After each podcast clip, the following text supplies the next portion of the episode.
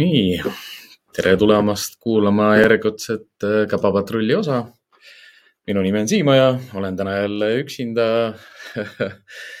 ja tänaseks siis jututeemaks on meil äh, erinevad küsimused, mis tegelikult on läbi aegade, noh, tegelikult käinud meil podcast'is ka läbi, aga uuesti tulid teemad üles seoses ühe äh, meie, minu ühe minu toetajaga ja, ja noh, ütleme sarnaseid küsimusi on olnud äh, üleval ka nüüd viimasel ajal just.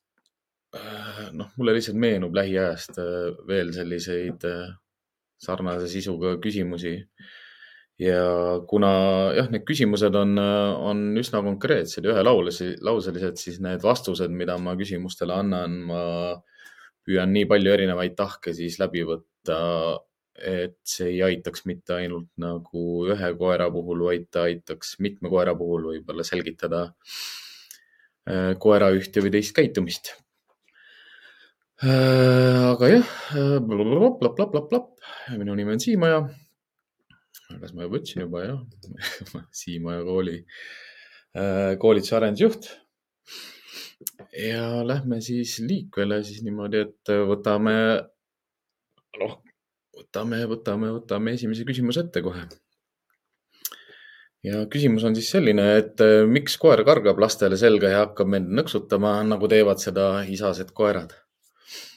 Äh, noh, siin võib ka al alustuseks selle ära öelda, et, et niimoodi ei nõksuta ainult isased, et seda teevad ka emased koerad, aga, aga jah, kui me, kui me näeme sellist käitumist koerte puhul, siis me reeglina paneme selle isaste koerte käitumise hulka, sest noh, see on see, kuidas nad paljunevad või see on see, milline on nende nii-öelda seksuaalne käitumine.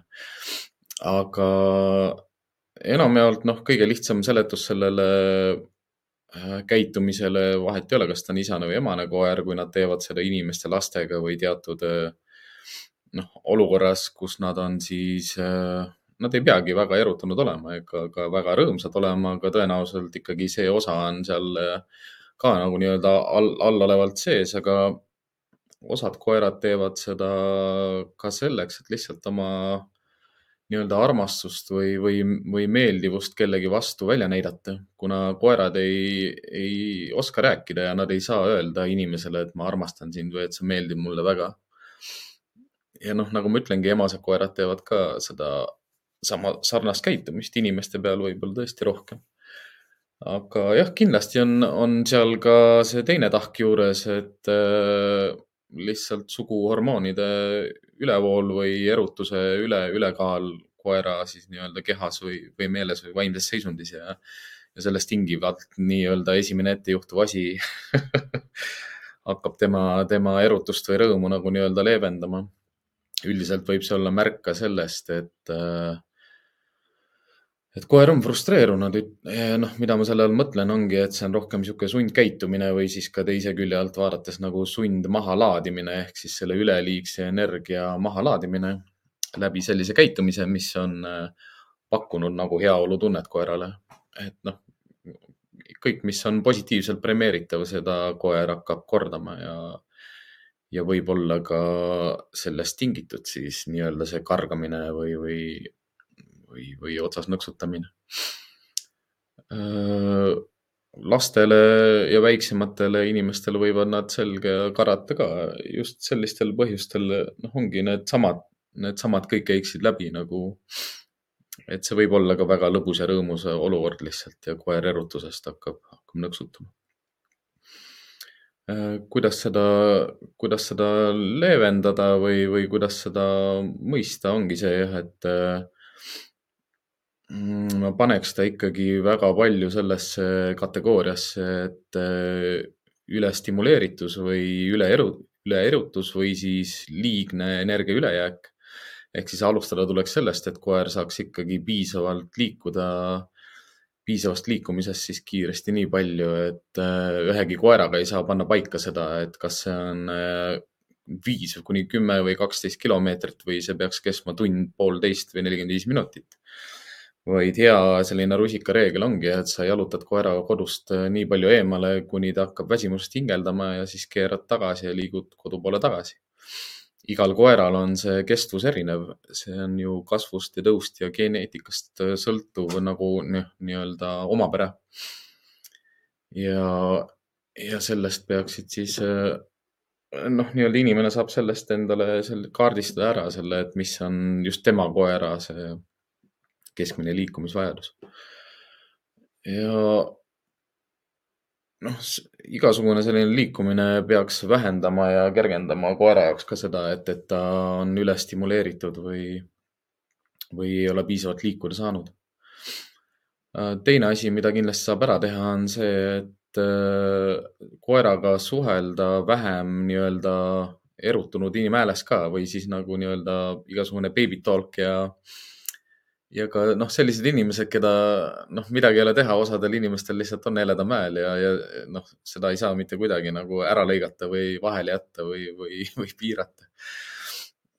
et äh, seda käitumist võib-olla ei peagi niimoodi kõrvalt nagu vaatama kui millegi halvana või väga probleemsena.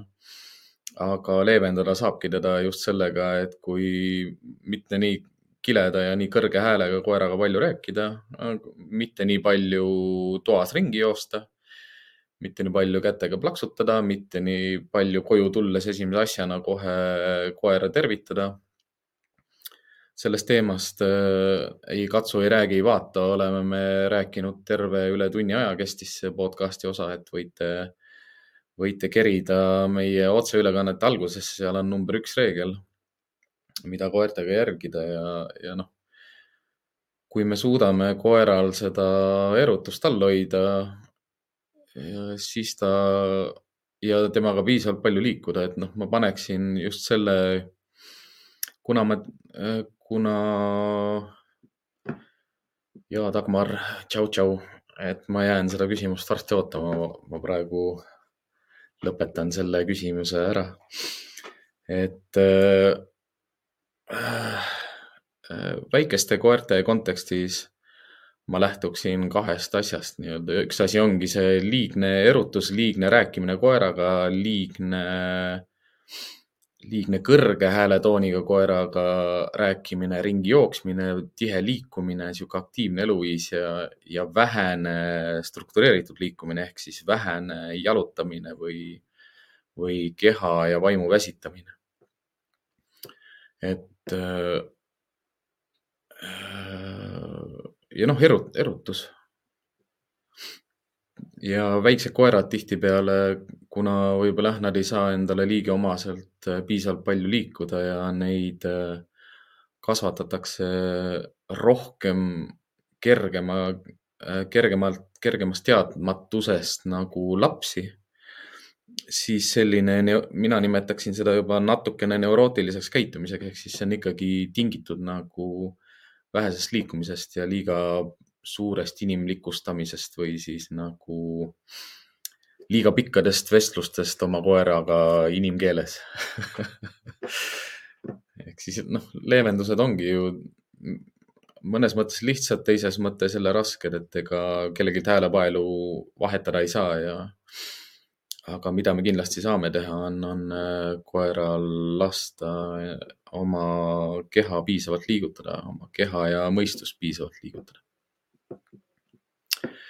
siia vahele ma võtan siis Dagmari, Dagmar, minu, minu suur abiline, kes siis ka siis täna postitas äh, Instagrami võimaluse kõikidel meie jälgijatel küsimusi esitada eks see küsimus ongi, et eh, miks koer reageerib erinevalt, kui aed on kahe koera vahel? miks koer reageerib erinevalt, kui aed on kahe koera vahel? ma saan aru, et eh, küsimus on selles, et, eh, et kui aeda pole, siis koer käitub ühtemoodi ja kui aed on, siis koer käitub teistmoodi. Mm, ma arvan, ma saan sellest küsimusest niimoodi õigesti aru et ilma aiata koer siis ilmselt noh, küsimus ongi selles, et kui aed on, aed on vahel, siis koer ei pääse teise koera juurde. osa, osasi koeri võib see frustreerida, osasi koeri võib see segada. ja sellest tulenevalt siis kas koera erutus või, või frustratsioon tõusevad, et noh, ma olen stressist selles osas rääkinud, et erutus võib olla positiivne, aga erutus võib olla ka selles kontekstis nagu negatiivne, ehk siis stress võib olla positiivne, stress võib olla negatiivne. mõlemas suunas on ta erutav. ühes suunas on ta äh, nii-öelda siis noh, hirmu, sõbra või rõõmu poole liikuv ja teises kontekstis on ta hirmust, sõbrast või hirmu, hirmust, sõbrast või ohust eemale liikuv. aga mõlemad äh, pooled tekitavad erutust ehk siis äh, noh, kui aed on vahel, siis frustratsioon tekitab erutust, erutus hakkab segama seda koera, et noh, ta võib kasvõi, kasvõi aia peale haukuda. aga noh, kui siin nüüd täpsustavalt veel tuleb, et esimene olukord, kui üks kindel koer aia tagant möödub, siis minu koer jookseb edasi-tagasi agressiivselt haukudes, kuid kui ta rebis ükskord mul käest lahti jooksis ta, ta üle tee sama koera juurde, tutvus kenasti ja mindi sõbralikult lahku. noh, see ongi see, see frustratsioon. et äh, agressioon ei ole, noh, defineerige agressiivselt haukumine. ma usun, et kuskil üheksakümmend protsenti inimestest ei suuda tõlgendada koera haukumist äh, sajaprotsendilise täpsusega selliselt, et kui palju seal nüüd on agressiooni, palju seal on frustratsiooni, palju seal on igatsust, palju seal on rõõmu, palju seal on sellist häda sees nagu või noh, mina nimetan seda nutmiseks või hädaldamiseks. et äh, jälle noh, teise koera nägemine tekitab erutust, erutus äh, erutuse mitte mahalaadimise võimalus tekitab rahutust, rahutus tekitab haukumist. kui, kui kõik need takistused vahelt ära võtta, siis äh, võibki täiesti nii minna, et, et tal ei ole vaja, noh, ütleme, noh, kuidas koerte see erutus ju tõuseb. ongi niimoodi, et ta kõigepealt lihtsalt vaatab, teisena ta hakkab, äh, ta hakkab urisema, kolmandana ta hakkab äh, inisema ja neljandana ta hakkab haukuma. aga ütleme, et erutuse puhul kõik need neli etappi käiakse nagu trrrt läbi kohe haukumiseni. ja, ja küsimus ongi selles, et kas ta kutsub seda teist koera enda juurde, kas ta ütleb talle, et ta jääks seisma, kas ta ütleb talle, kas sa ei näe mind, ma olen siin. ja, ja noh, tule, tule suhtle minuga. ja siis veel see olukord läheb edasi sama koer siis, aga teine olukord, kui ta kohtus teise koeraga, kes talle meeldis ja keda ta kutsus mängima, siis kui aed on vahel, siis ta haugub samamoodi kurjalt teise koera peale. kuidas käituda? koerad, koerad suhtlevad haukudes äh, omavahel äh, ja kuri, kuri haukumine võibki olla noh, rohkem levinud selliste koerte puhul, kes äh, enamuse ajast saavad, mida nad tahavad ja kui nad ei saa seda, mida nad tahavad, siis nad hakkavad seda nõudma. Väga palju ju sõltub ka sellest, mida teeb see teine koer, kes möödub. et noh, ma olen noh, lihtsalt näiteks kasvõi oma koeraga jalutades, et ma, ma võin oma koeraga aiast niimoodi mööda jalutada, et see koer läheb, kes aias on, läheb täiesti pööraseks, aga ma võin tast ka niimoodi mööda jalutada, et ta augub paar korda ja siis jääb vait, aga kõik oleneb sellest kas mina olen ees, kas mu koer on ees, kas mina olen aia pool, kas mu koer on aia pool ja kui lähedal ma aiale olen ja ka sellest, et mida see koer, kes seal aias on, noh, kes seal aias on, mida ta kuni selle hetkeni on sellel päeval teinud, noh, kasvõi mida ta on söönud või mida ta on joonud. et äh, igasugune selline äh, aukumine aias või, või teiste koerte peale või rihmas või noh, ütleme rihva reaktiivsus või see ei ole, see ei ole äh, alati seotud agressiooniga.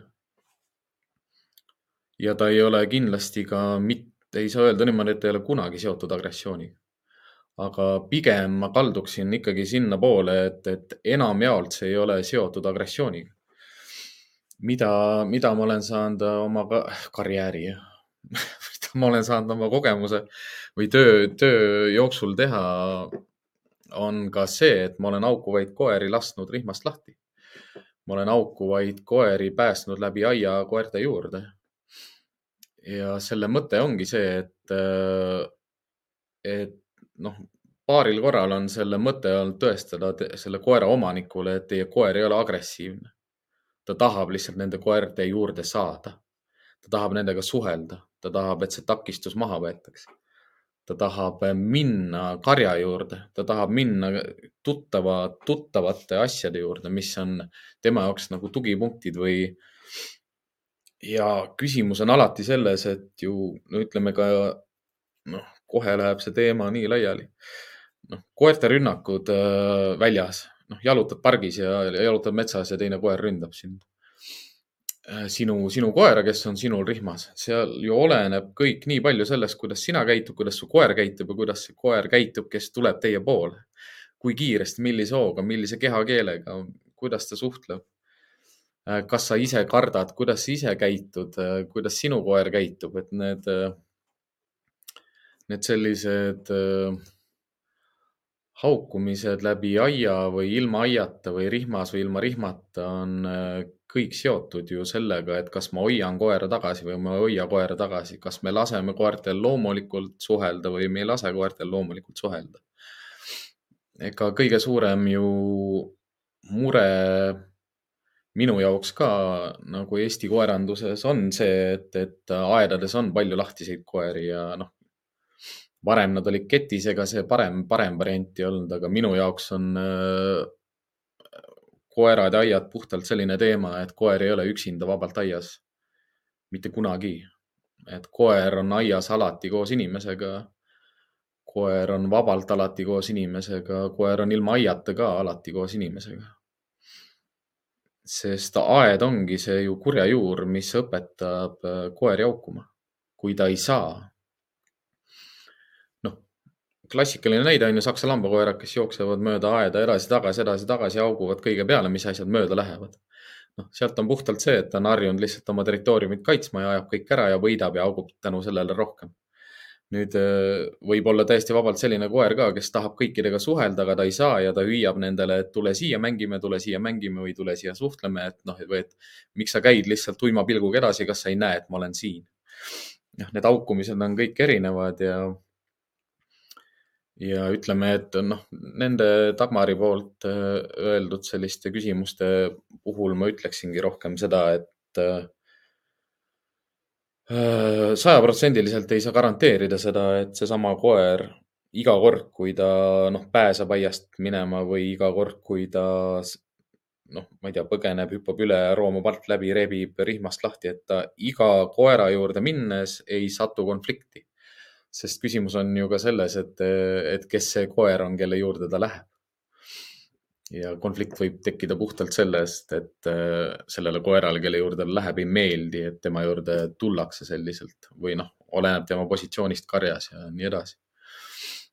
aga lihtne seletus sellele, et miks koer reageerib erinevalt, kui aed on kahe koera vahel, ongi see, et äh, aed takistab ja hoiab tagasi ja ei lase koeral olla, koeral teha oma tööd, see, kes ta on, hea on, kui ta, kui ta tahab minna koertega suhtlema, halb on, kui ta tahab neid koeri rünnata, aga tõenäosus on, et see rünnak võib jääda olemata ja tõenäosus on ka, et see rünnak ei pruugi kesta kaua, isegi kui ta, kui ta, kui ta ründab kedagi aga lihtsalt saab, aga jah, kuidas seda vältida või vähendada, ongi see jah, üks asi, et, et tihtipeale tasub minna vaatama, mille peale koer haugub. koos koeraga, mitte, mitte karjuda tema peale, et ära haugu või mitte hakata teda taga ajama või, või karistada teda, vaid mõista, proovida, püüda mõista seda, et mille peale ta haugub või miks ta haugub. ja ja kehakeelega saab koerale anda ka mõista seda, et eh, see on selline asi, mille peale me ei haugu, palun mine ära siit. aga see oleneb ju kõik väga palju sellest inimese ja koera vahelisest suhtlusest ja kuidas nad üksteisest aru saavad.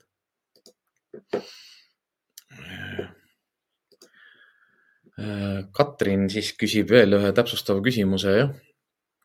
selle esimese teema kohta, millest me rääkisime, et miks koer kargab lapsi ja, ja nõksutab. ehk siis äh, kas peaks koera ära ajama ja, ja näitama koerale, et mulle selline tegevus ei meeldi või mitte äh,? siin ongi nagu minu jaoks kaks, kaks sellist asjaolu üks asi on see, et kui ma näen, et mu koer niimoodi käitub, siis äh, kas ma panen talle jalutusrihma külge ja lähen temaga jalutama. kas ma panen selle olukorra konteksti, et kas seal oli liiga palju erutust ja kuidas ma saan koera aidata selles äh, olukorras rahunema. ja kolmas asi on seal jah, see, et tänan sulle, Katrin, ka selle küsimuse eest, et jah, et äh, seda käitumist saab blokeerida ja keelata aga keelamine tähendaks ka seda, et ta peaks ka sellest olukorrast väljuma ja inimene peaks talle ka ütlema, et mida ta selle asemel tegema peab. ma ei, ma ei teeks nii, et ma võtaksin koerast kinni ja tõstaksin ta ära, ma ei teeks nii, et ma võtaksin äh, ja, ja veaksin koera sealt juurest ära. Aga kindlasti aitaks see noh, kiire hammustus või jah, kiire hammustus, kas äh, ribide tagant, noh, kui ta kui ta nõksutab midagi, siis ilmselt ikkagi ta on äh, kahe tagumise jala peal püsti, et siis tasub teda katsuda tagantpoolt ehk siis ribide tagant. ja, ja lihtsalt, lihtsalt nagu susada niimoodi sisse. Et ta lõpetaks selle ära ja siis kehakeelega suunata ta eemale kasvõi noh, hea on, kui alguses ta läheb kasvõi meeter või kak, meeter ja poolteist eemale, veel parem, kui ta, kui tal on oma koht ja teda saab suunata oma koha peale. sest ega see nõksutamiskäitumine või üldse sellised käitumised, mida koerad korduvalt teevad ja korrates teevad, need on äh, minu, te võite neid vaadata selliselt, kes, kes on vanema ja inimesed mäletavad ilmselt veel, kuidas vinüülplaate kuulati ja kui see vinüülplaat hakkas viskama, et siis sa pidid natuke liigutama või tõstma tagasi, et siis ta hakkas jälle uuesti ilusti käima, et koeraga saab käitumiste puhul, äh, tuleb teha täpselt samamoodi, et tuleb sekkuda, puudutada, tõsta no mõnes mõttes nagu teha reset ja lasta tal elada, lasta tal olla, noh, äh, lasta meloodial käia edasi. Me inimesena saame aidata koeri sundkäitumistest välja. aga samal ajal, kui me näeme, et sellised, kõik sellised käitumised, mis hakkavad tihti korduma, on, on ka koera jaoks häirivad. ja seda tuleks ka vaadata selle paran-, parandamise poole pealt, ehk siis üks asi on jah, piirata, keelata ja õpetada, aga teine asi on ka ennetada ja rahustada ja, ja liigutada koera ja anda talle mõtteainet, noh, et ta saaks teha midagi muud selle, selle energiaga, mis tal, mis tal sees kõik on ehk siis jah, nagu koera ära ajama ei pea, teda, teda, temale jah, tuleks näidata, mida, mida ta võiks teha selle asemel ja kindlasti anda mõista, et seda ta ei või teha. seda, seda võib teha. Aga jällegi, seda ei saa koerale seletada, seda ei pea koerale karjuma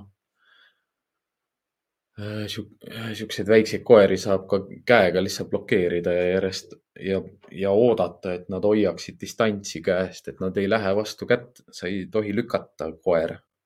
ta peab austama inimese piire ja minema käelt eest ära, kehalt eest ära.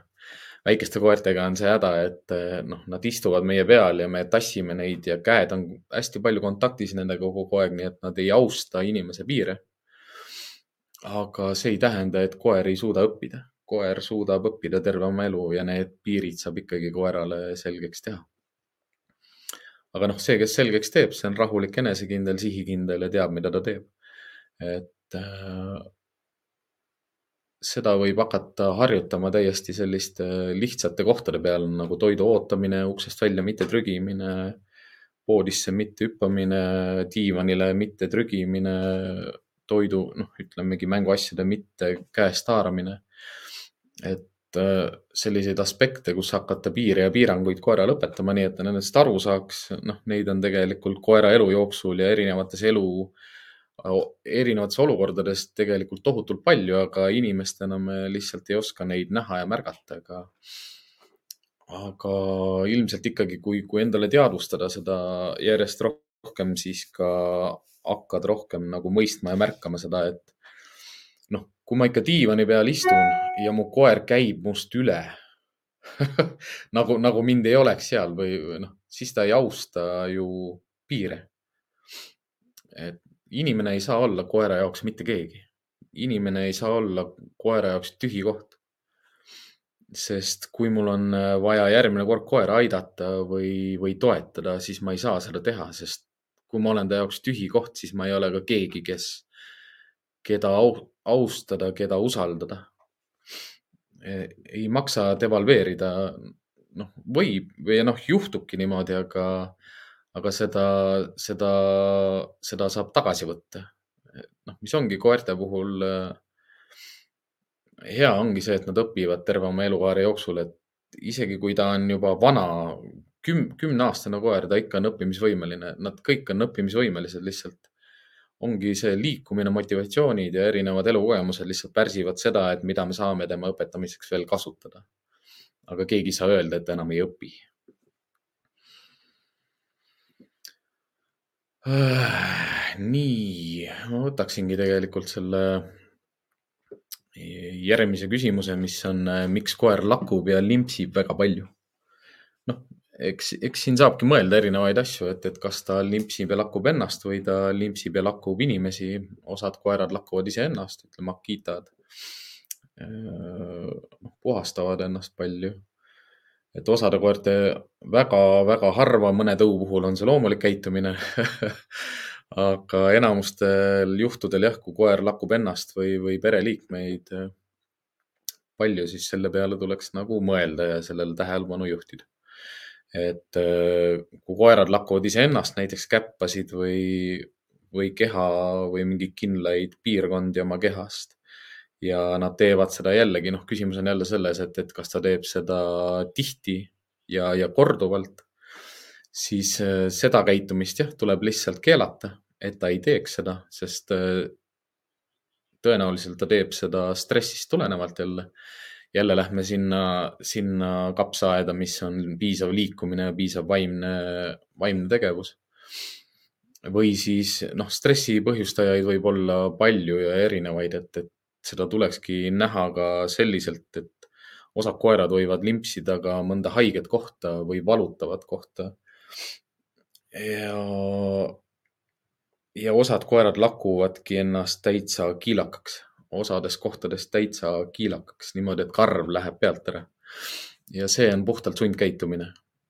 ehk siis see on stressi maandamise, stressi maandamiseks mõeldud käitumine.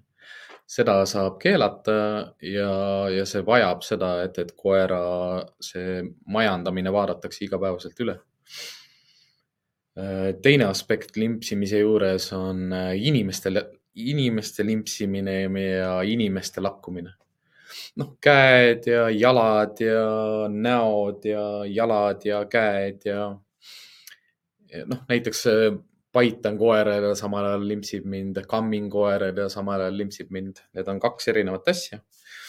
aga ma räägin, ma võtangi siis ennem selle, et ütleme näiteks, et kui ma lõikan koeral küüsi või kammin teda ja ta samal ajal lakub mind või katsub mind keelega siis ta proovib juhtida seda olukorda ehk siis olla ikkagi, omada mingitki kontrolli selle olukorra üle, sest on selliseid koeri, kellele üldse küünte lõikamine ja kammimine ei meeldi.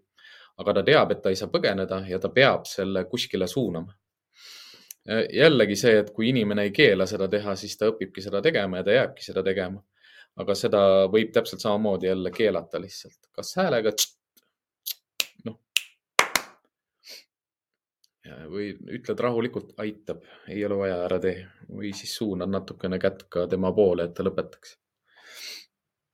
Äh, sest kruumimisel, ütleme küüntelõikusel ja, ja, ja harjamisel ja masseerimisel koer ei pea teid katsuma ja ta ei pea muretsema. ta ei pea olema, ta ei pea kontrollima seda olukorda. noh, väike selline märk endale, et, et, et ta ei usalda mind ja teiseks märk endale, et, et ta läheb stressi. et kuidas ma saan teda veel rohkem maha rahustada selles olukorras. Teine, teine lakkumine, mida, mida osad koerad niimoodi pühalikult teevad, on, on laste ja käte ja, ja jalgade sihuke lakkumine või siis aeg-ajalt nagu limpsamine. noh, limpsab kätt, näpuotsasid ja limpsab jalga ja limpsab kuskilt mujalt ja noh, suvel oleme lühikeste pükstega, tunnen juba, et ta limpsab mu jalgu ja reied ja sääred ja Äh, ütleme, kui koer teeb seda võõra inimesega, siis see on pigem nagu selline kontrollimine ja märkide ja piiride enda jaoks selgeks tegemine, mida võib teha, mida ei või teha, kes ta on. samamoodi võib see koer lihtsalt korrata seda käitumist, sellepärast et ta on saanud selle eest tähelepanu. või ta on saanud selle eest midagi head. noh, nüüd me kaldumegi juba vaikselt sinna, et koerad limpsivad ka Äh, inimesi lihtsalt niimoodi, et inimene istub ja ei tee midagi ja koer limpsib teda. noh, okei okay,, koer on tal võib-olla süles ja koer limpsib teda samal ajal. et noh, see on selge märk neurootilisusest ja, ja noh, esiteks koeri ei ole vaja süles hoidagi ja teiseks seda käitumist tuleks keelata. aga see on ka märk sellest, et, et, et midagi on tal tasakaalust väljas kas siis vaimselt või füüsiliselt on midagi tasakaalust väljas. aga kolmas aspekt on sellel see jah, millest ma rääkisin natukene ennem, et koer teab, et ta saab tähelepanu selle eest. sest ütleme, kammimise puhul võib preemia preem,, isegi preemiaks olla see, et ma kammin teda ja et ta lakub mind ja ma samal ajal kammin teda. teine asi, et ma paitan teda samal ajal, kui ta lakub mind. kui ma kiidan teda selle eest, et ta lakub mind, siis ta hakkab seda lakkumist veel rohkem tegema teine asi see, et kui ma iga kord panen teda tähele, kui ta lakub mind või hakkan temaga rääkima, kui ta lakub mind, siis ma jälle premeerin häälega seda lakkumist. ja noh, ütleme jällegi selle pisikeste koerte puhul või väikeste koerte puhul on selline limpsimine ja lakkumine jällegi seotud väga palju stressiga või sellega, kui palju ta liikuda saab ja mida ta teha saab ja kuidas ta mõistab, mida ta tegema peab ja mida tal teha vaja on seda saab samamoodi keelata, aga see on jälle märk sellest, et kas, mis tal täpselt tõlkes kaduma on läinud, et kas ta saab piisavalt liikuda, kas ta saab piisavalt oma vaimset ja füüsilist energiat kuskile kulutada, mis on äh, talle liigiomane. ja noh üks aspekt veel, mida ma igasuguste huulte ja keelte ja hammastega koerte puhul, millest ma lähtun, on see, et, et kui koer ikkagi katsub võõrast inimest või mu lapsi või kedagi keele või huultega juba, siis see on äh, sotsiaalsesse ruumi küsimata sissetungimine ehk siis piiride ületamine. ja noh, minu jaoks kindlasti minu isiklikku ruumi sissetungimine ilma minu küsimata või ilma minu lubamata olen töötanud täiesti selliste koertega, kes äh, katsuvad sind keelega sellepärast, et anda sulle mõista, et sa oled karjas madalamal. noh, lapsed ka vaat-, võib-olla lapsed ka kõrvalt vaatavad seda, et ma ei taha selliseid roppusõnasid kasutada, aga sa oled nagu tähtsusetu, madal, nagu mõttetu, mittevajalik madalam kui muru. Mm, et koerte kehakeelest tasub nagu aru saada jah, ja, ja noh, aru saada ka sellest, et iga kord, kui koer puudub sind keelega või lakub sind, siis sellel ei ole alati üks seletus või üks mõte. et sellel on äh, mitu tagamaad ja see oleneb alati koerast, tema elukeskkonnast ja ka nendest, keda ta lakub. et ta võib lakkuda ka laste käsi lihtsalt sellepärast, et äkki käest kukub midagi. noh, tuleb teenistusest meelde see, millal ma hakkasin, kui ma läksin klikerkoolituse peale üle, siis äh, enne klikerkoolitust ju me kasutasime lihtsalt hästi palju häält ja käest premeerimist. ja mind häiris see juba väga tugevalt, kui iga kliki peale mu koer limpsas ja, ja vahepeal läks ka noorema koeraga see limpsamine või keelega katsumine, just käte ja keelega katsumine sinnamaani välja, et see muutus juba häirivaks. noh, ennast häirivaks kui ka noh, koera häirivaks, aga põhjus oligi lihtsalt selles, et me anname neile käest äh, preemiat siis mingi aeg nad võivad hakata käsi katsuma lihtsalt selleks, et saada preemiat. et noh, just targemad koerad ja sellised koerad, kes tahavad tööd teha, et seda on äh, sellest on õudselt raske lahti saada, sest äh, kui me professionaalselt treenime koeri, siis toidupreemiate juurde me ikka ja jälle läheme tagasi. ja noh, jälle selline aspekt, et sa ei pea ju pahaseks saama, et, äh, et tuleb mõista lihtsalt selle koera õppimist ja seda, et ma ise õpetasin talle oma käsi lakkuma. et koer ei ärka ühelgi hommikul niimoodi üles, et tahaks täna käsi lakkuda ma, ma ei kujuta seda hommikut noh ette nagu, täna, mis ma täna teen, lähen lakun käsi. et see on, koerte puhul tuleb aru saada sellest, et neid on väga lihtne õpetada ja treenida.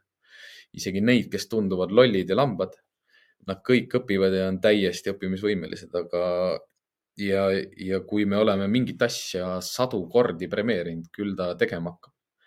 ja kui me ei märka, märka selle käitumise õpetamise juures seda oma rolli või siis seda pahupoolt või sellist, noh, selliseid aspekte, mis meid hiljem võib segama hakata mingit, kasvõi mingit äh, tööd tehes. noh, näiteks mul on narkokoer ja, ja narkootikume pakke ta markeerib alati niimoodi, et ta läheb keelega vastu ma ei saa asitõendi puhtust nagu tagada. aga koduses olus ma, ma jälgiksin seda lihtsalt hästi lihtsal ja kitsal tasand, tasapinnal niimoodi, et mind keelega ei katsuta ja kõik. noh, selles mõttes nagu null tolerants, mitte selliselt, et ma lähen põlema ja hakkan karjuma ja jooksen mööda tuba ringi närviliselt, vaid eh, ma võin koerale alati sellise energiaga ka peale tulla või suunas liikuda, et kuidas sa lubasid endale seda, et sa mind keelega katsud. üldiselt, kui, kui sa kasvatad ise koera ja tal on äh, päevast üks teada piirid, reeglid ja kordega, siis see koer ei katsu sind keelega. mitte sellepärast, et ta kardab sind keelega katsuda, vaid sellepärast, et tal ei ole vaja. sest sa ei ole keegi, kelle kallal saab lipitseda ja on vaja lipitseda, sest sa niikuinii tagad tema kõik äh, normvajadused.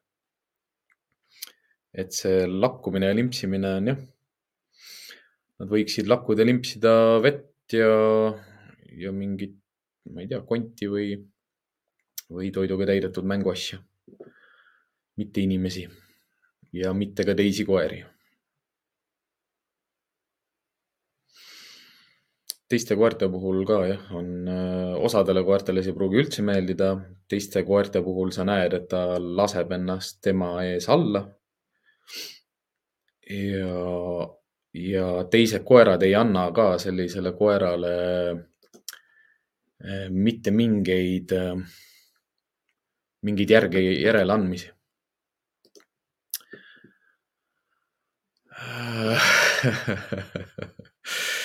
ja Inge täpsustab seda veel, et aga ja mis siis saab, kui koer limpsimise peale saab pahaseks ja hakkab nõuda limpsimist. et noh, see ongi sihuke. Äh, see ongi see, see, miks ei tohi limpsida lasta. ehk siis, kui sa ükskord juba saad selleks L-tähega sõnaks, siis, äh, siis sa, siis sa, siis sa pead talle tähelepanu jagama ja teda selle eest kiitma, et ta sind limpsib.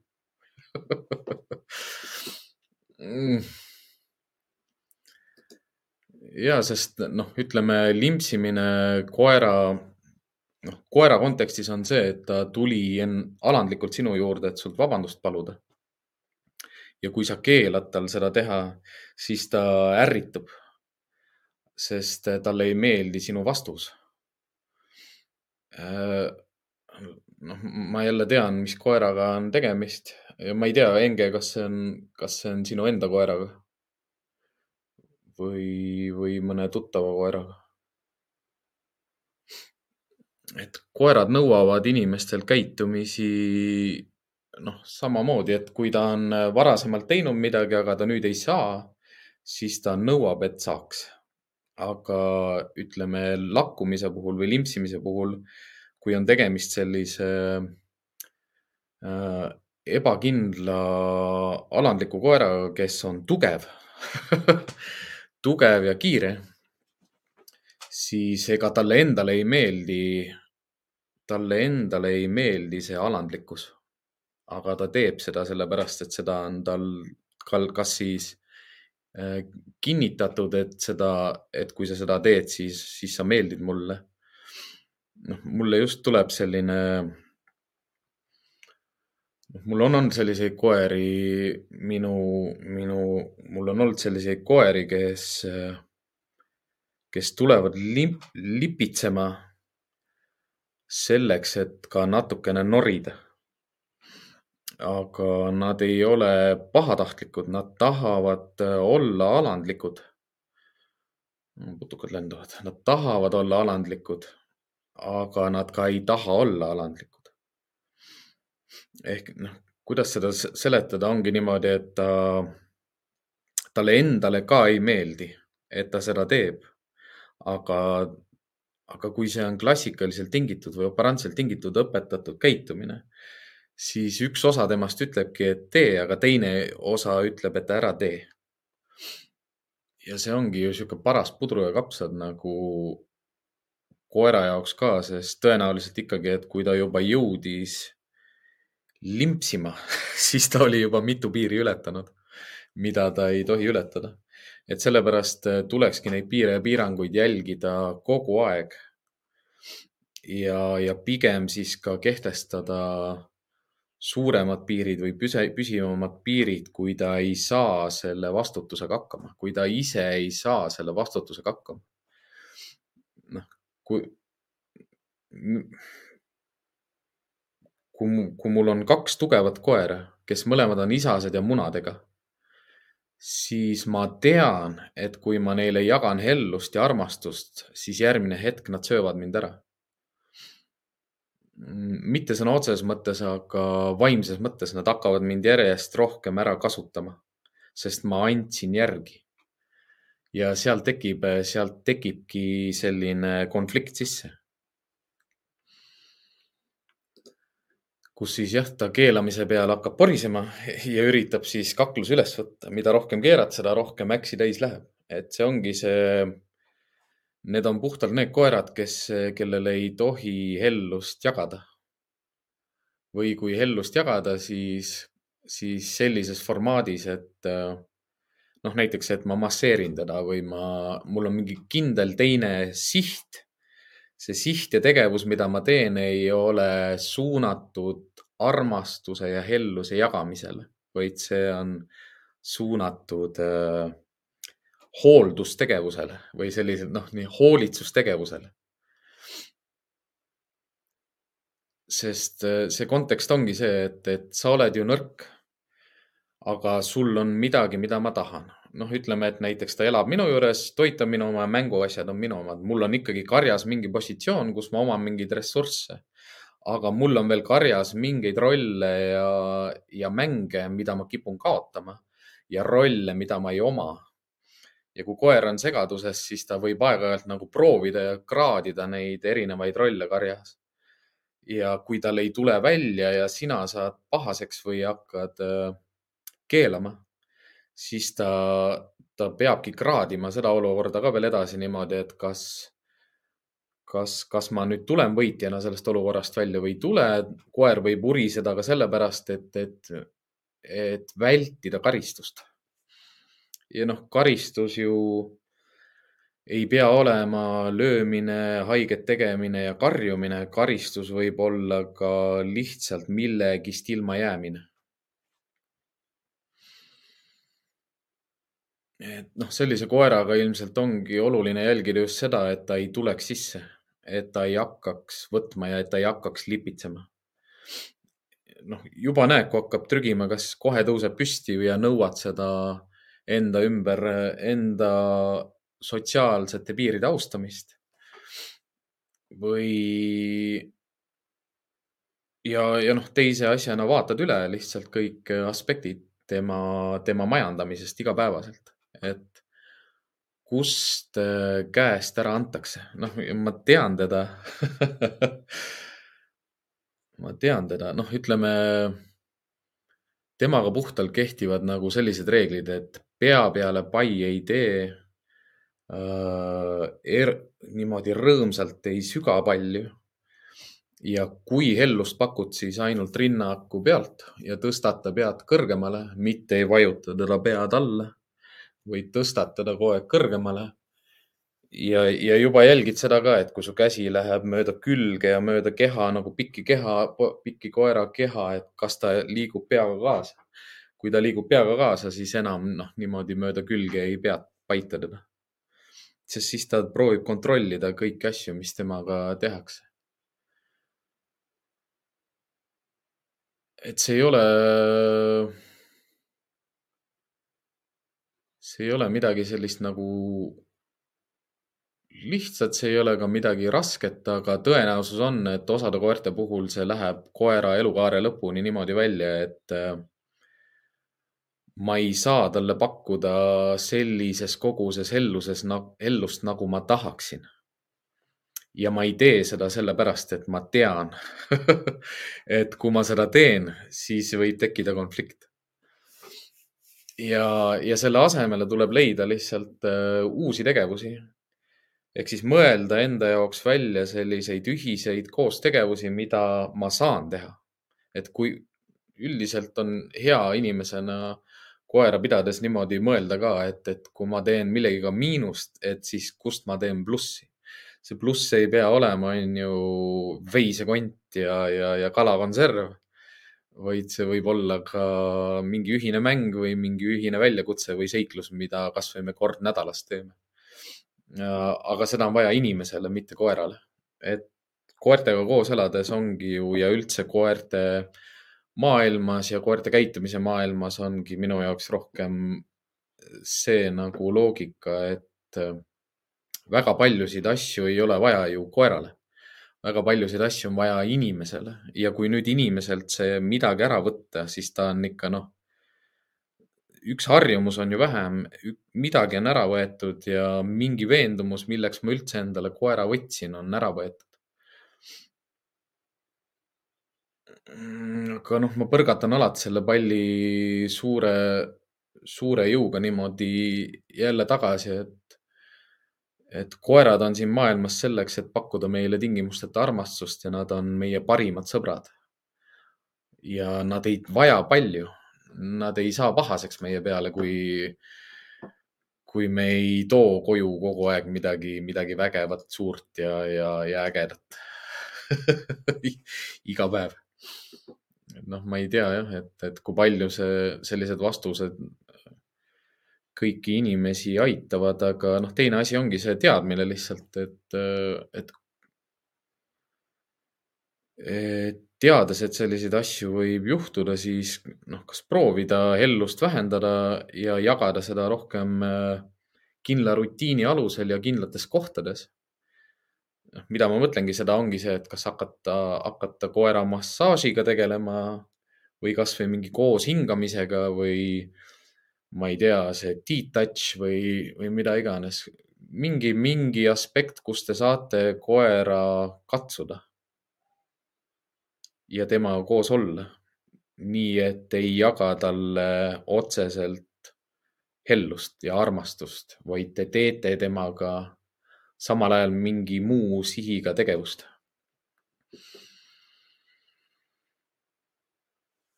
oh, koertega on äge joosta ja ujuda sest juba see tunne, et sa koeraga koos noh, liigud kuskil või noh, sa liigud ja koerad on sinuga koos, nad tahavad sinuga koos olla, juba see tunne ise on, on väga mõnus. ja palju, palju andev. nii, võtame järgmise küsimuse. siin aeg jookseb juba niimoodi, et täna kell on ka palju varsti peavad lapsed magama minema. Noh, õnneks jah, lastel on äh, koolivaheaeg, et palju õnne kõikidele lastele noh, kes on, kes on jõudnud juba lõpetada ja kellel on vaheaeg, kõikidel veel ei ole vist, nagu ma aru saan. Äh, järgmine küsimus on siis jah, et miks koer haugub koju tulevate pereliikmete peale? Äh, noh, selle küsimuse esitaja puhul noh, Katrin võib välja öelda, Katrin küsis Katrini väikse koera puhul ongi see tegemist ju selle põhilise reegli rikkumisega ehk siis ei katsu, ei räägi, ei vaata. Äh, aga, sest see on, sest see on tõenäoliselt lihtsalt liigsest erutusest tingitud haukumine. noh, koer on niikuinii rõõmus, et te tulete koju, ta hakkab tantsima ja kui te kohe jagate koerale tähelepanu ja häält, siis ta erutus kasvab ja ta hakkab veel rohkem haukuma seal võib olla ka selliseid üleminekuperioode, kus koer haugub sellepärast, et ta ei tea, kes ukse taga on. ja kui uks lahti teeb, siis ta näeb, kes ukse taga on, aga see tekitab ka erutust ja rõõmu ja ta haugub edasi. ehk siis jälle see väike sihuke kaalukauss, et stressist haukumine ja rõõmust haukumine. ja, ja selle hääle ja tähelepanuga forsseerimine. noh, selle hääle ja tähe, tähelepanuga forsseerimiselt edasi tulles ongi see, et et me võime koera õpetada niimoodi haukuma alati, kui ta erutub. ehk siis kui me, kui me mingis aspektis temaga kohtudes õpetame ta haukuma, siis ta võib sellesama käitumise üle kanda ka teistesse kohtadesse, teistesse sündmustesse, teistesse mälu, mälupiltidesse, kus ta haugub lihtsalt iga kord, kui ta erutub. hästi äge üks koduvisiit oligi, mida mul kunagi varem ei ole olnud võib-olla isegi on varem olnud, aga mitte, mitte nii selgelt. kus oli üks väike see Sheltie. noh, nad ongi toid või nad ongi üsna pisikesed, aga see oligi see veel see toi või pisikene Sheltie. ja see koer oli õpetatud haukuma siis, kui ta koertest mööda käib või ta teist koera näeb. aga mitte mitte selle koera peale ja mitte selle koera poole, vaid lihtsalt haukuma sellel ajal, kui ta teist koera näeb. ja seda on nagu nii äge, äge kõrvalt näha, et, et kui on sellised targad koerad, et mida neile suudetakse nagu selgeks õpetada. et me suudame koerale selgeks õpetada selle ka, et haugu iga kord, kui sa oled rõõmus, haugu iga kord, kui sa kardad, haugu iga kord, kui sa näed oma pereliikmeid, haugu iga kord, kui sa tunned seda lõhna haugu iga kord, kui sa näed seda autot, haugu iga kord, kui sa näed seda värvi. et ja haugu iga kord, kui me õues liigume ja koer vastu tuleb. lihtsalt haugu, noh, otse, otse õhku, otse enda ette, mitte koera poole, mitte sinu poole. ja noh, selle, selle kogu selle pudru nagu leevendus ongi see, et selle koeraga on vaja vähem rääkida ja talle vähem tähelepanu jagada, kui ta haugub ehk siis ka selle koera peale ei tohi, seda koera ei tohi häälega keelata, et ta ei hauguks. ja sellele koerale ei tohi häälega öelda tere, ma tulin koju ja sellele koerale ei tohi häälega öelda tšau, ma lähen ära. ehk siis igatpidi nagu seda häält, mida me koerale jagame, vähem. sellistel hetkedel kui ta tahab meie tähelepanu, kui ta küsib meie tähelepanu, kui ta ootab meie tähelepanu, kui ta vajab meie tähelepanu, kui ta on rõõmus, et me koju tulime. ja need käitumised, haukumiskäitumised hakkavad leevenemagi sellega, kui me järjest rohkem jälgime erinevaid elu aspekte, kus me koeraga suhtleme ja jagame talle häält olukordades, kus ta niigi juba on erutunud ka, ka juhtudel, kus ta kardab ja augub ja, ja ka juhtudel, kus ta ajab taga ja augub. mida ma, mida ma ühele inimesele, keda ma Agility's nagu nõustasin, oligi see, et äh, õpetama koer takistusi läbima niimoodi, et ta ei hauguks, sest siis ta on kiirem. ja seal ju koerad hauguvad tihtipeale lihtsalt erutusest aga me kütame selle erutuse veel rohkem ülesse ja me ei, ja paljud agility, agility praktiseerijad ju ei juuri seda käitumist välja, nad ei vähenda haukumist, nad arvavadki, et see haukumine on hea või noh, nad ei oska sellega midagi teha. aga see puhtalt see see lahendus sellele haukumise vähendamisele on see, et ära anna talle käsklusi takistuste läbiviimiseks, vaid näita talle kehakeeles, mida ta tegema peab. ja ära ja võta igalt poolt seda erutust maha, sest äh, siis ta on kontsentreeritum ja, ja asja ja, ja hingega asja kallal, mõistusega asja kallal, noh, töö, töö tegemise kallal mitte üle, üle soolatud, kus ta võib eksida ja, ja muutuda aeglasemaks, sellepärast et ta tegeleb rohkem haukumisega kui tõkke ületamisega. et koerad on kõik erinevad, erineva sellise mahuga ja erinevalt kasvatatud ja õpetatud ja erineval, erinevalt ka tõust ja geneetikast tulenevalt võivad osad koerad olla palju aldimad haukuma aga ükski nendest koertest ei ole aretatud selleks, et lihtsalt haukuda või sihitult haukuda või mõttetult haukuda. vaid nende haukumised on alati kas proaktiivsed ehk siis markeerida saaki, aktiivsed, et kaitsta, kaitsta noh, karja või, või inimest. või siis jah, rohkem variante tegelikult polegi noh, piiglid on sellised, kes räägivad aukudes ja huskid on ka sellised, kes laulavad aukudes hästi palju. Nendel on see väga tugevalt nagu just selle karja suhtluse osa. Aga samamoodi jälle nad ei tee seda haukumist ju sihitult. Või, või niisama. Ma, ma usun, et kõikide husky parkide naabrid nagu nagu praegu naeravad vaikselt patti ja ütlevad ja, ja ei tee jah niisama, aga noh, te peate aru saama sellest, et nad on seal nendes aedikutes kinni ja, ja nad suhtlevad, suhtlevad ja laulavad ja see on täiesti normaalne. et äh, vahetage elukohta ja noh, piiglid, kui kokku saavad ja see piiglikari hakkab jooksma, siis on ka ikka sellist haukumist on palju, aga see on puhtalt selline karja käitumise osa, kus nad, nad on ju ajukoerad ja ja ajades nad auguvad. aga nad suhtle, nad auguvad sellepärast, et omavahel suhelda, mitte, mitte seda kuidagi väljapoole nagu suhelda. aga koju tulevate pereliikmete peale olen selliseid koeri ka näinud, kes, kes nagu justkui nagu pahandavad või riidlevad, kui, kui pereliikmed koju tulevad. ehk siis eh, koju, koju saabujad saavad, saavad õiendada. nii Äh, Enge küsib vahel jah, et äh, alguses jäi kuulamata, et miks koer rihmas olles teist koera nähes on nagu möirgav lõvi, aga lahtiselt olles on vastutulev koera vastu igati viisakas ja lihtsalt uudishimulik. Noh, jälle see äh, jah, rihma reaktiivsus üsna klassikaline, aga, aga seda nimetatakse nagu rihmast tingitust, rihmast tingitud käitumiseks. Ehk siis kuna rihm hoiab tagasi või rihm takistab, osadel puhul, puhkudel ju ka rihm takistab põgenemist. ja osadel puhtudel rihm takistab juurde jõudmist. mis ongi rihma puhul häda ka see, et tihtipeale me rihmaga tõstame, koer tõuseb ka üles ja see muudab tema kehakeelt, see muudab vastutuleva koera kehakeelt kohe, sest see vaatab, kuhu sa tuled või et miks sa ennast püsti ajad. aga aga teine asi, mis seal on, on, on see ka kaugus, kaugus inimesest või kaugus oma, noh, jah, kaugus karjast või kaugus omanikust. et osad koerad ju, kes rihmas on väga agressiivsed ja ma lasen lahti, siis ta võib jääda niimoodi poole peale seisma, ehk siis selle võõra koera ja, ja selle inimese vahele, kelle koer ta on, sest ta ei taha sellest inimesest liiga kaugele minna. aga samas ka tahab seda koera, kes seal kuskil on, ära ajada noh, sellised sotsiaalsed, äh, sotsiaalsed butterfly'd või nagu öeldaksegi, sotsiaalsed liblikad nagu Anu Saagimid on ju.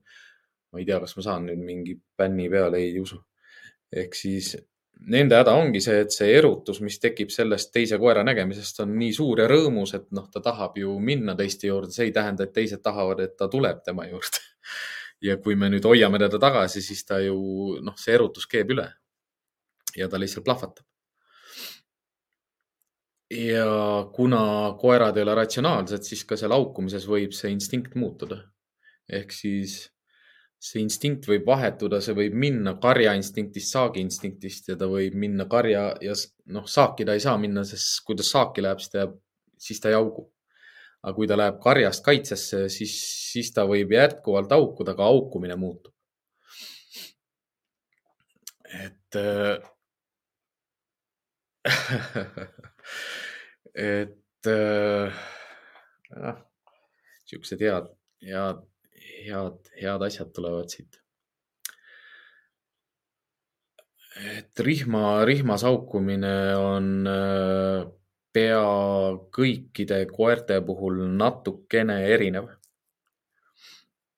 ja, ja mida ma tahaksin alati teha iga koeraga, kes haugub rihmas, ma tahaksin alati lahti lasta ja vaadata, mida ta teeb sest äh, ma pakun kuskil üheksakümnel protsendil juhtudel see koer ei tee mitte midagi. ehk siis noh, see, mida me arvame, et ta teeb, on, on ju, jookseb üle tee ja ründab teist koera. aga mis tihtipeale juhtub, ongi see, et kui ta enam rihmapinget ei tunne, siis ta ei tee mitte midagi. noh, okei okay,, noh, selles mõttes teeb, et ta et ta kaitseb ennast, ta hoiab ennast, ta tegeleb võib-olla selle perimeetri kaitsega edasi okei okay,, täpsustus, et ei haugu, vaid möirgab. jah, see möirgamine või selline, ma ei hakka seda järgi tegema praegu. see ongi, see ei ole enam haukumine, see ongi, see ongi rohkem karjainstinkt või ta on nagu, ta on, ta on karjainstinktis. ja see on, see on, see on segu nagu sellisest kolmest noh, kuskil kahest või kolmest aspektist, ehk siis ta on hädas ta on õnnelik, ta on rõõmus ja ta on ka frustreerunud, ehk siis ta tahab, ta vajab aga ta ei saa noh, hästi sihuke loomne, noh, enam-vähem jah, ei, ma ei too seda näidet. et sellised loomsed ja naturaalsed meerged tulevad tulevad paljudest koertest välja äh, siis, kui nad äh, midagi väga-väga tahavad ja vajavad ja teavad, et see on nende õigus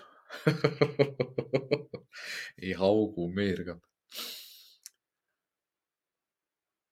ja see, see meergamine, ütleme seda meergamist on äh, ja, ja seda, ma olen ka neid pilke saanud päris palju, et inimesed keeravad kohe ümber ja mind on isegi ühe korra loomakaitsesse kaevatud üks teine koolitaja kaebas mind äh, loomakaitsjatesse jah, et sellepärast, et mul Husky laulis seal äh, erutusest äh, rihma otsas. ja noh, tuli välja, et ma piinan Huskyt jah. et see Husky oli täpselt samasugune, et, et kui ta rihmast lahti lasta mingite koerte juurde, siis kõige halvem, mida ta teeb, ta lakub nad surnuks ja noh, Husky on sihuke karjaloom ja, ja selline karja, karjasüda, et noh, ta, mitte kõik Huskid nagu selles mõttes, aga see Husky. Ja enamus Huskid peaksid sellised olema, lihtsalt see erutus on nii kõrge ja nad on nii kiired ja nii tugevad, et see hirmutab teisi koeri. aga nad on suured karjapallid ja nad tahavad teiste koertega koos olla ja nad laulavad, et saada nendega koos olla, aga ütleme selliste bittide ja stuff'ide puhul on see möörgamine. Äh, kui kõik stuff'i ja biti omanikud peaksid teadma, kuidas nad omavahel mängivad, noh, kuidas nad jooksevad nagu noh, poksivad üksteist ja puksivad üksteist ja ripuvad üksteise küljel ja müravad ja, ja jooksevad nagu noh, sihuke tunne, et kui sa kuuled seda matsu, kui nad üksteisele otsa jõuavad, et keegi pidi nüüd noh, kellegi elu nüüd lõpeb, sest neile õudselt meeldib nagu peaga pampida või noh, niimoodi nagu trügida ja möllata ja mürada ja möllata ja. aga arvake ära, kas kõik ühelegi teisele tõule see meeldib kui, kui, kui nad võib-olla saavad kokku nagu jah, ma ütlen võib-olla inglise, inglise bulldogidega, võib-olla siis nagu kuidagi veel natukene mängib läbi, aga, aga prantsuse bulldog jääb juba väikseks ja kuigi noh, prantsuse bulldog ka paneb, paneb seda vastu, aga noh, isegi võib-olla mingi Jack Russelliga saaks hakkama ja, ja, ja, ja võib-olla isegi rot-, no ma ei tea, Rottweileriga, Dobermanniga. aga jah Husky oleks juba liiga kiire. Äh, noh, terjeril tekiks mure juba sellest, et ta ei jõua järgi. isegi terjerid ei jõua järgi, jah. aga, aga jah, selle, selle puhul jah, me ei saa tihtipeale midagi nagu teha, kui, kui on äh, kiired ja vastupidavad koerad ja neil on energiat palju ja seda elurõõmu jagub nagu niimoodi, et see pritsib kõrvadest, ninast ja silmadest välja aga jah ka,, jah, koerast on kahju ja, ja ilmselt ka ümbritsevatest inimestest ei ole kahju, aga kindlasti ühiskond peaks jah, seda rohkem, rohkem mõistma, et, et seda koera ei piinata, aga seda koera ei saa ka lahti lasta. sest sellest ei pruugi tulla mitte midagi head. noh, eriti veel niimoodi linna vahel, ega koerad võivad autodelt ka lööke saada ja see ei ole ohutu.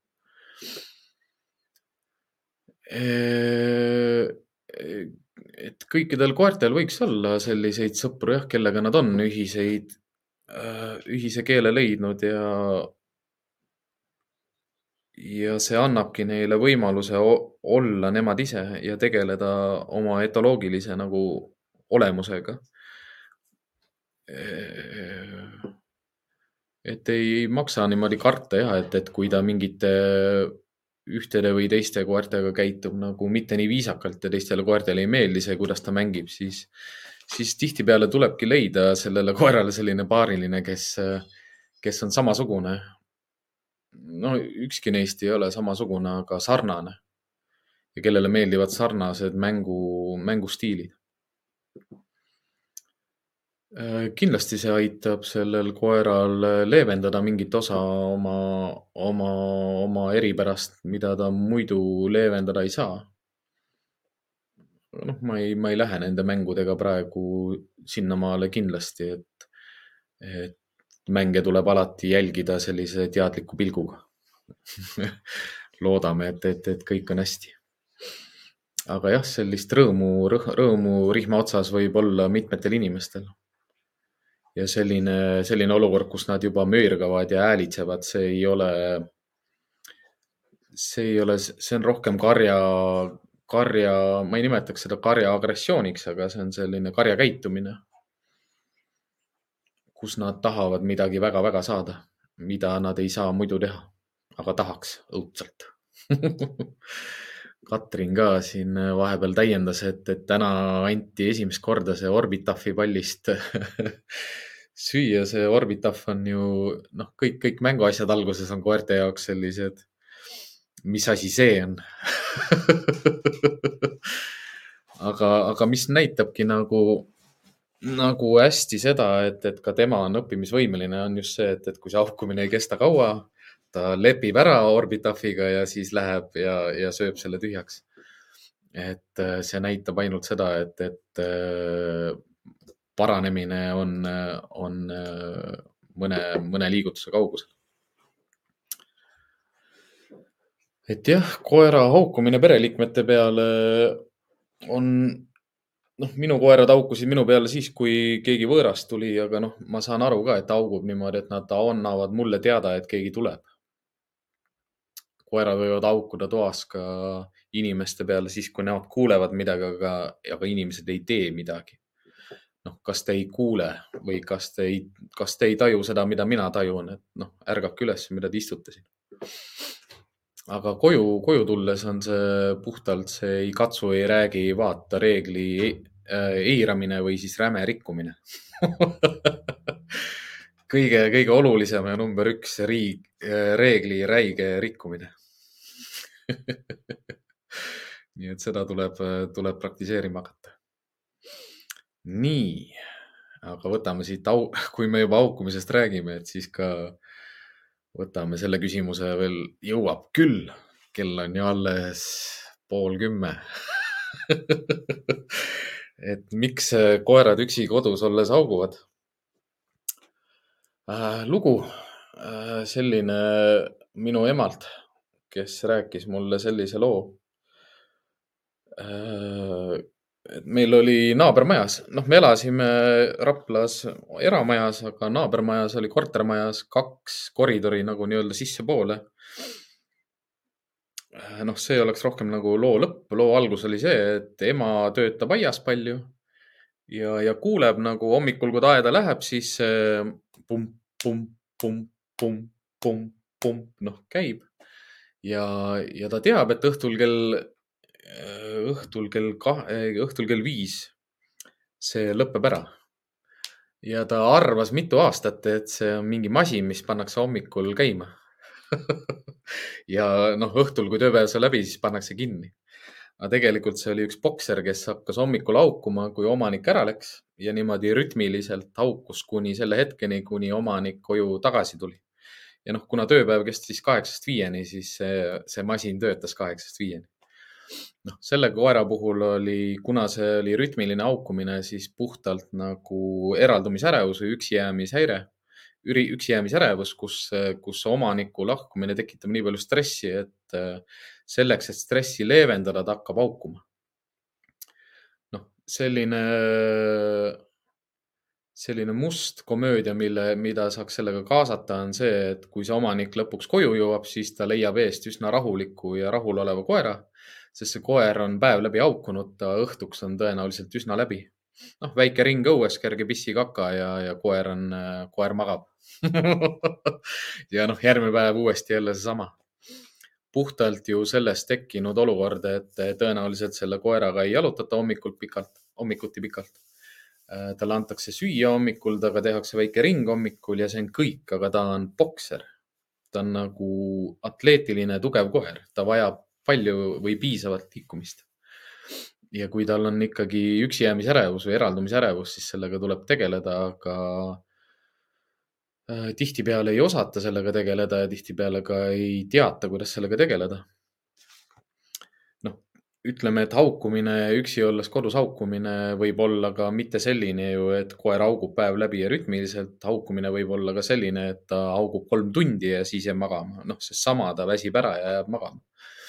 Või siis ta haugub aeg-ajalt see aeg-ajalt haukujatega on see teema, et tõenäosus on, et mingi koer haugub kuskil veel aga me ei kuule. ja ta suhtleb või räägib.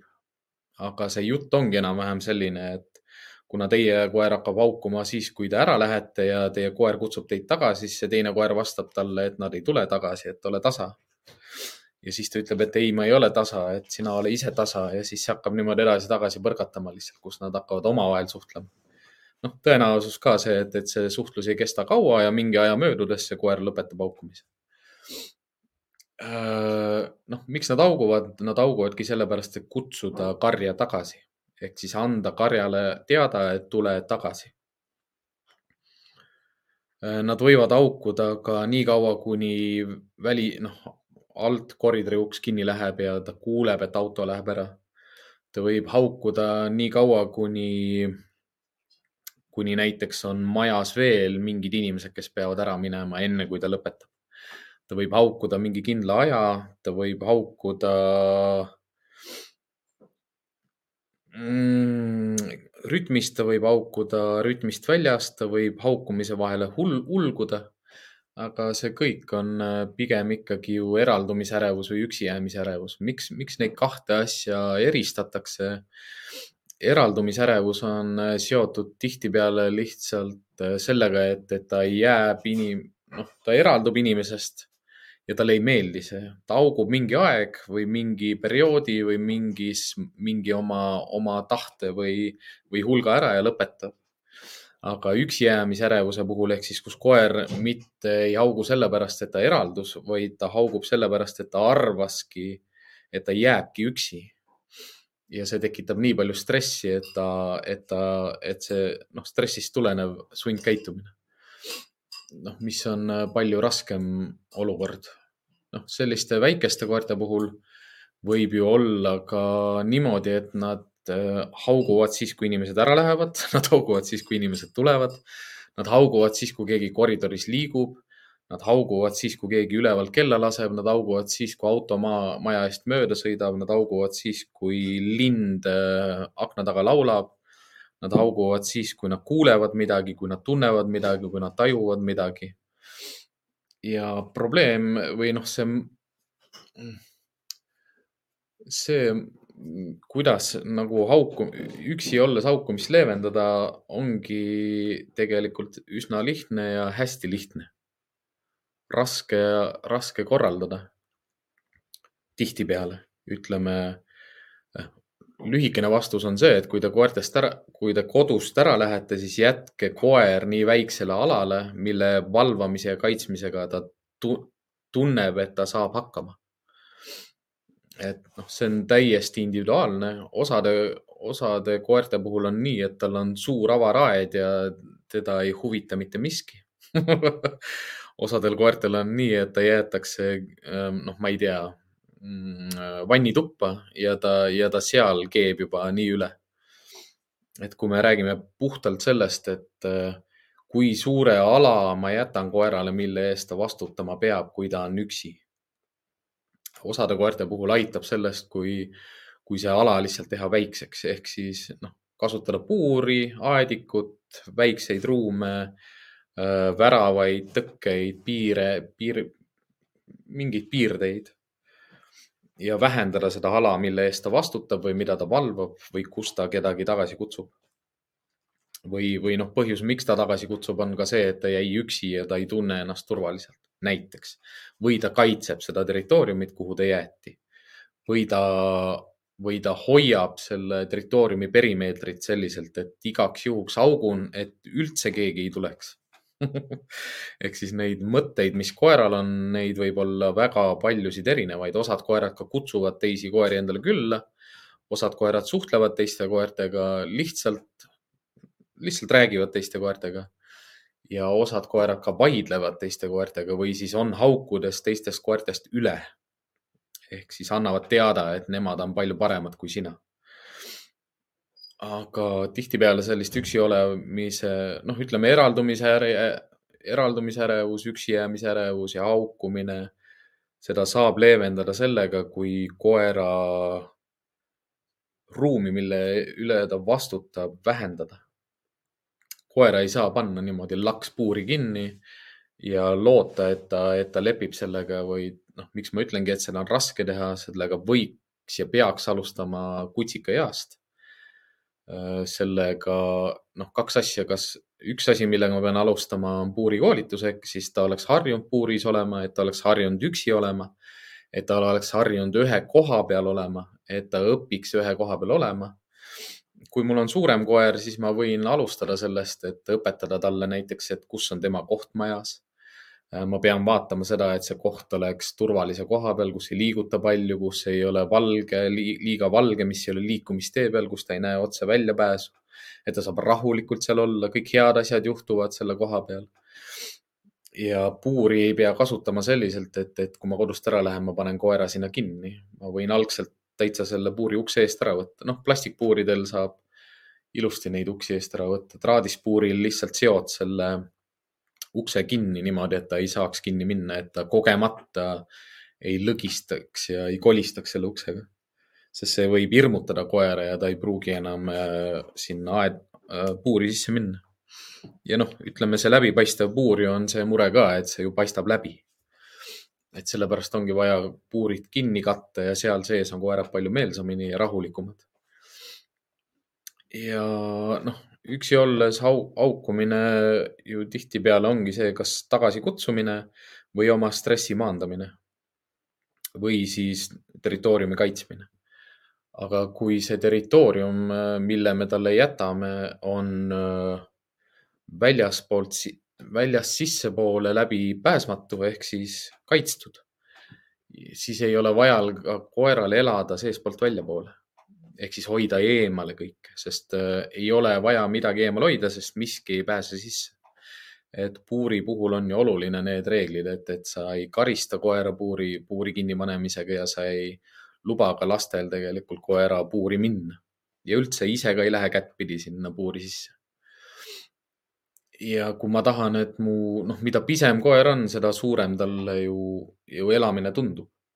mida suurem koer on, seda vähem massiivne tundub talle see elamine. ma tean selliseid äh, saksa lambakoeri ka, kellele ei meeldi üldse toas olla ja talle meeldib väga, kui tal on väljas äh, kuut. noh, selline haukumine,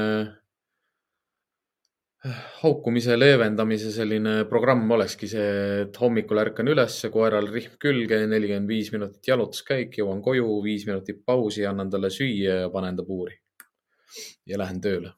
täiskasvanud koer võib vabalt kaheksa tund, kaheksa kuni kaksteist tundi puuris kinni olla, ütleme kaksteist tundi on lagi kaheksa tundi oleks täiesti normaalne, kaheksa-üheksa tundi.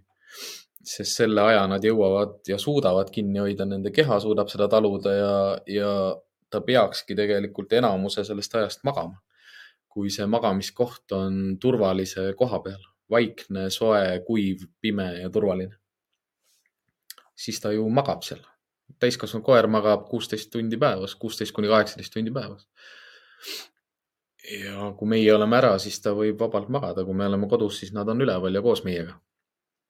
sellepärast nad meie sellised lahutamatud justkui nagu puusaluud on jah, et, et osa meist, meist võetud. et üksi olles või eraldudes koerad auguvad, huskid ka auguvad, sellepärast et ega nad hea meelega jookseksid ringi aga nad ei saa Nad auguvad, kui nad on frustreerunud, nad auguvad, kui neil on igav, nad auguvad, kui nad suhtlevad, nad auguvad, kui nad kutsuvad kedagi, nad nutavad, kui, kui kari läheb laiali, nad muretsevad, kui kari on eemal. Seda kõike saab leevendada, kui nende vastutust üksi olles vähendada.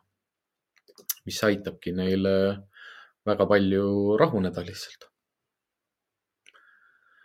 hakkame siis jah, tänaseks vaikselt oktsi kokku tõmbama tänud kõikidele meie suurtoetajatele ehk siis suur aitäh, Erika, suur aitäh, Henge, Agnes, Katrin, Janno ja Kairi. Suur-suur tänu teile ja tänu teile saavad ka kõik tei, teised ja ka mina seda edasi teha. käpapatrulli podcasti. kui teil on äh, küsimusi, mis tekkisid äh, ja mida te ei jõudnud või ei saanud selle kuulamise jooksul esitada, võite esitada need Youtube'is video alla kommentaaridesse või siis kirjutada patrullijad at gmail.com.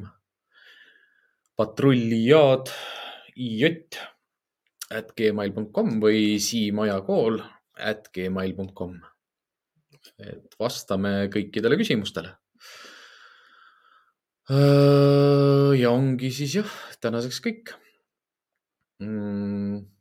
mega ilus suvi on. eks mul on ka võib-olla natukene rahulikum ja vähem tööd, sellepärast et koerad on rohkem väsinud. Kuigi töö vähenemist ei, ei taju, aga ikkagi ise ka näen tänavapildis seda, et, et tööd on vähem. kuna palavusega on koerad rohkem väsinud ja, aga noh, see pidu ei kesta meil kaua, sest Eestis on see ilm on, on kuum, äh, külm, soe, külm, soe, külm, soe. et koerad tasub hoida aastaringselt tasakaalus ja, ja vastavalt ilmale saab ka, tegelikult nende elu ja olu reguleerida. ja kuuleme ja näeme siis järgmine kolmapäev jälle pool üheksa. mina olen siinpool olemas, teie olge sealpool olemas ja meelest ei tohi minna see meie põhiline moto, mis on siis, et teadmatus ei ole lollus. ilusat suve ja nautige.